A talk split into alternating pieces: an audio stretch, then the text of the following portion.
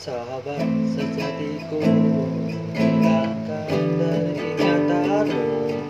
Di hari yang tak